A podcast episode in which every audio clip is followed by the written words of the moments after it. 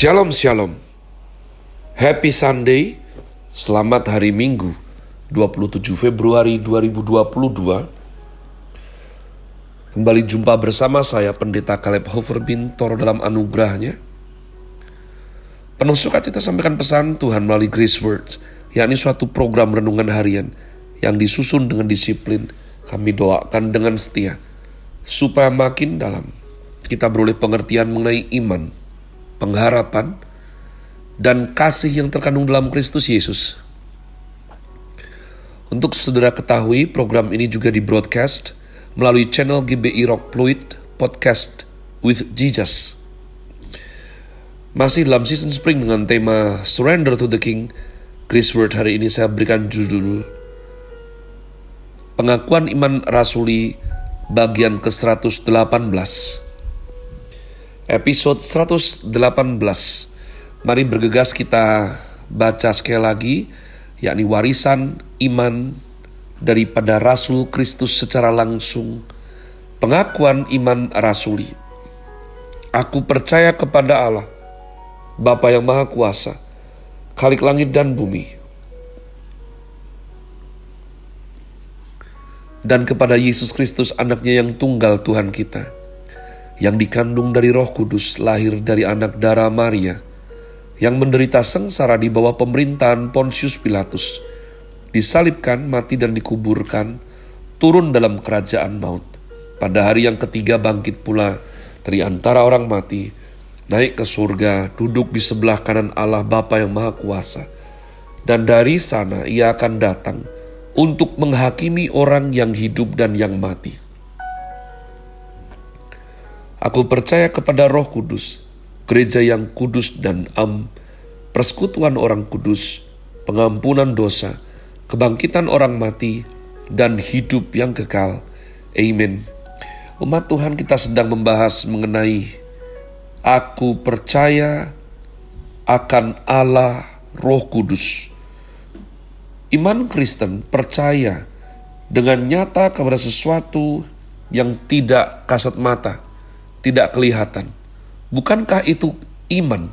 Kita percaya sesuatu yang mata kita belum bisa lihat, tapi hati kita percaya. Roh Kudus adalah anugerah terhebat bagi gereja Tuhan. Karya Roh Kudus tidak bisa ditipu umat Tuhan. Sayangnya saya katakan berulang-ulang banyak sekali gereja yang besar, yang mewah, saya tidak katakan senantiasa kalau yang besar mewah itu pasti keliru, belum tentu. Ya, tapi saya himbau, lihat gaya hidup daripada hamba Tuhannya. Saya berulang kali dituduh sebagai pendeta anti kemakmuran dan saya merasa harus mengklarifikasikannya. Tidak, siapa yang tidak suka kemewahan? Siapa yang tidak suka makmur, ma Tuhan? Tapi Rasul Paulus saya pikir memberikan suatu kerangka yang cukup buat kita, yakni bahwa aku cakap berada di atas, aku cakap berada di bawah. Ya, kita hamba Tuhan seneng kok kalau kita diizinkan Tuhan diberkati segala macam. Tapi bukankah itu artinya kita harus lebih memperhatikan, menolong banyak orang, mensupport banyak yang tidak mampu.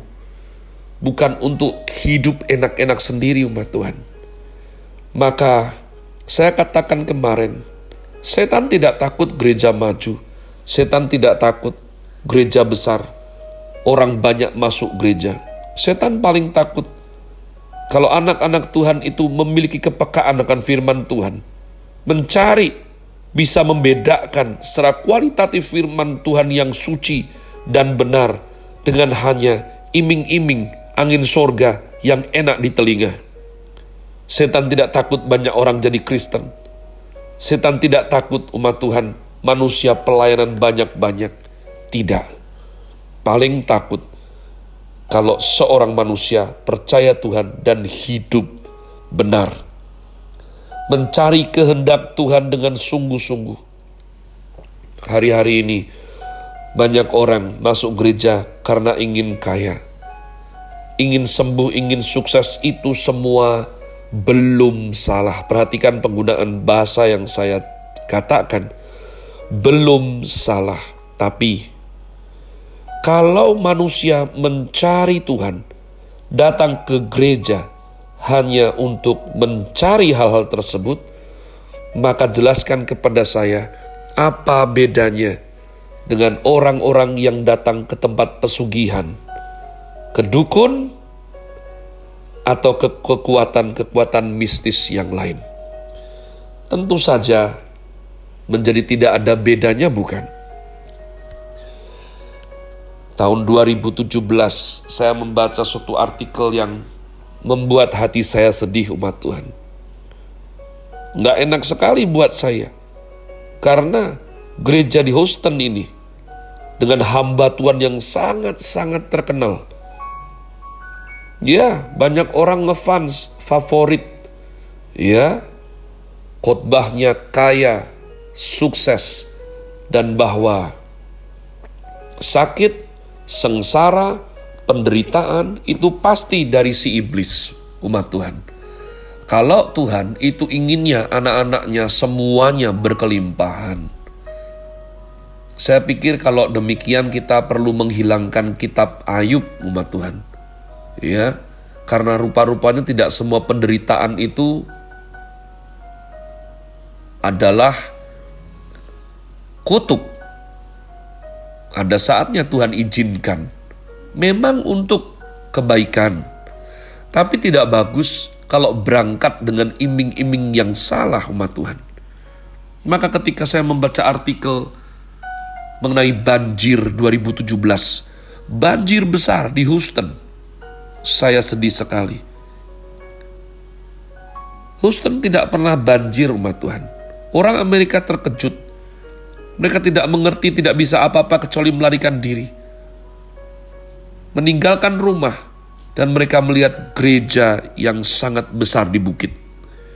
Gereja yang begitu mewah. Karpet yang begitu indah. Gereja yang percaya kemakmuran Gereja yang terus menarik daripada janji iman. Untuk yang percaya boleh terus menabur store, menabur dan store.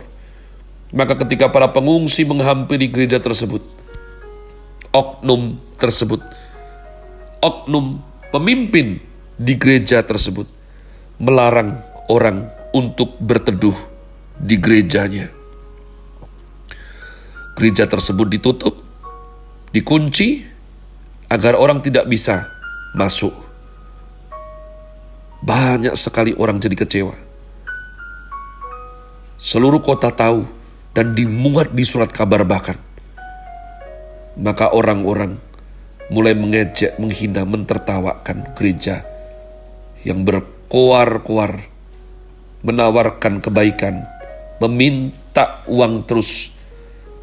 Tapi pada saat rakyat atau umat membutuhkan, dia tidak bisa jadi jawaban umat Tuhan. Ini adalah sesuatu yang ironis sekali. Fakta bahwa saya tidak menyebutkan dengan jelas namanya. Itu karena saya merasa sebagai prajurit kecil tidak baik untuk menghakimi. Biarlah itu menjadi suatu kisah yang membuat saya introspeksi diri. Apakah saya sungguh-sungguh dipenuhi oleh Roh Kudus, ataukah pelayanan yang saya kerjakan juga merupakan omong kosong belaka? Saya selalu tanya sama diri saya sendiri. Saya selalu minta tolong Roh Kudus. Kalau engkau berkesempatan suatu hari jumpa dengan istri saya, kau akan pasti bisa wawancara dia tanya. Setiap kali saya pusing, setiap kali saya merasa saya menderita, pikul salib yang tidak enteng, saya akan bilang roh kudus sayang, tolong saya. Roh kudus sayang, tolong saya. Saya khawatir rumah Tuhan. Saya khawatir kalau pelayanan saya isinya omong kosong belaka.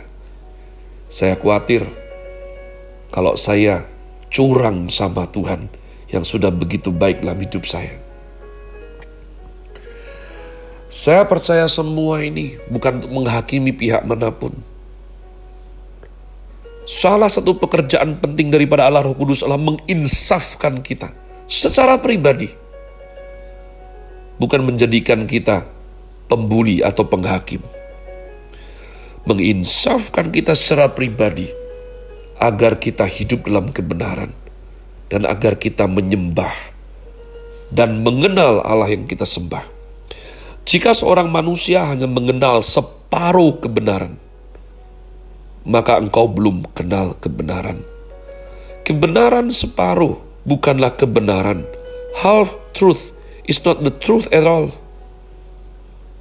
Menjadi orang Kristen yang baik harus mengerti keseluruhan, wholeness, sozo.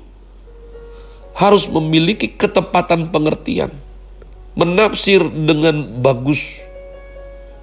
Maka murid Kristus yang sejati terus belajar untuk mencari akurasi, mengerti secara utuh yang tertulis di Alkitab yang diwahyukan oleh Bapa di sorga. Jangan bagikan anak-anak yang hanya mau sekeping roti yang enak dimakan, lainnya dibuang. Makan pilih-pilih, sayur apa semua singkirin, yang daging-daging saja yang dimakan. Semua anak yang di rumah saya tidak boleh demikian. Ya, bahkan saya katakan kalau ada bawang putih, makan Jangan pilih-pilih. Jangan hanya mau berkat Tuhan. Tidak belajar itu kesucian, keadilan. Tidak mengerti apa itu penghakiman Tuhan. Jadi umat Tuhan saya berdoa sungguh-sungguh. Ya, untuk kita ini tulus dan benar. Dan biarlah karya roh kudus itu nyata melalui hidup kita. Sekali lagi happy Sunday. Tuhan Yesus memberkati saudara sekalian. Selamat melayani, bersukacitalah di hari yang baik ini bersama keluarga, dan saya berdoa sungguh untuk saudara sehat sesehat-sehatnya, dan bersukacitalah senantiasa. Tuhan Yesus memberkati saudara sekalian. Sola. Grazie.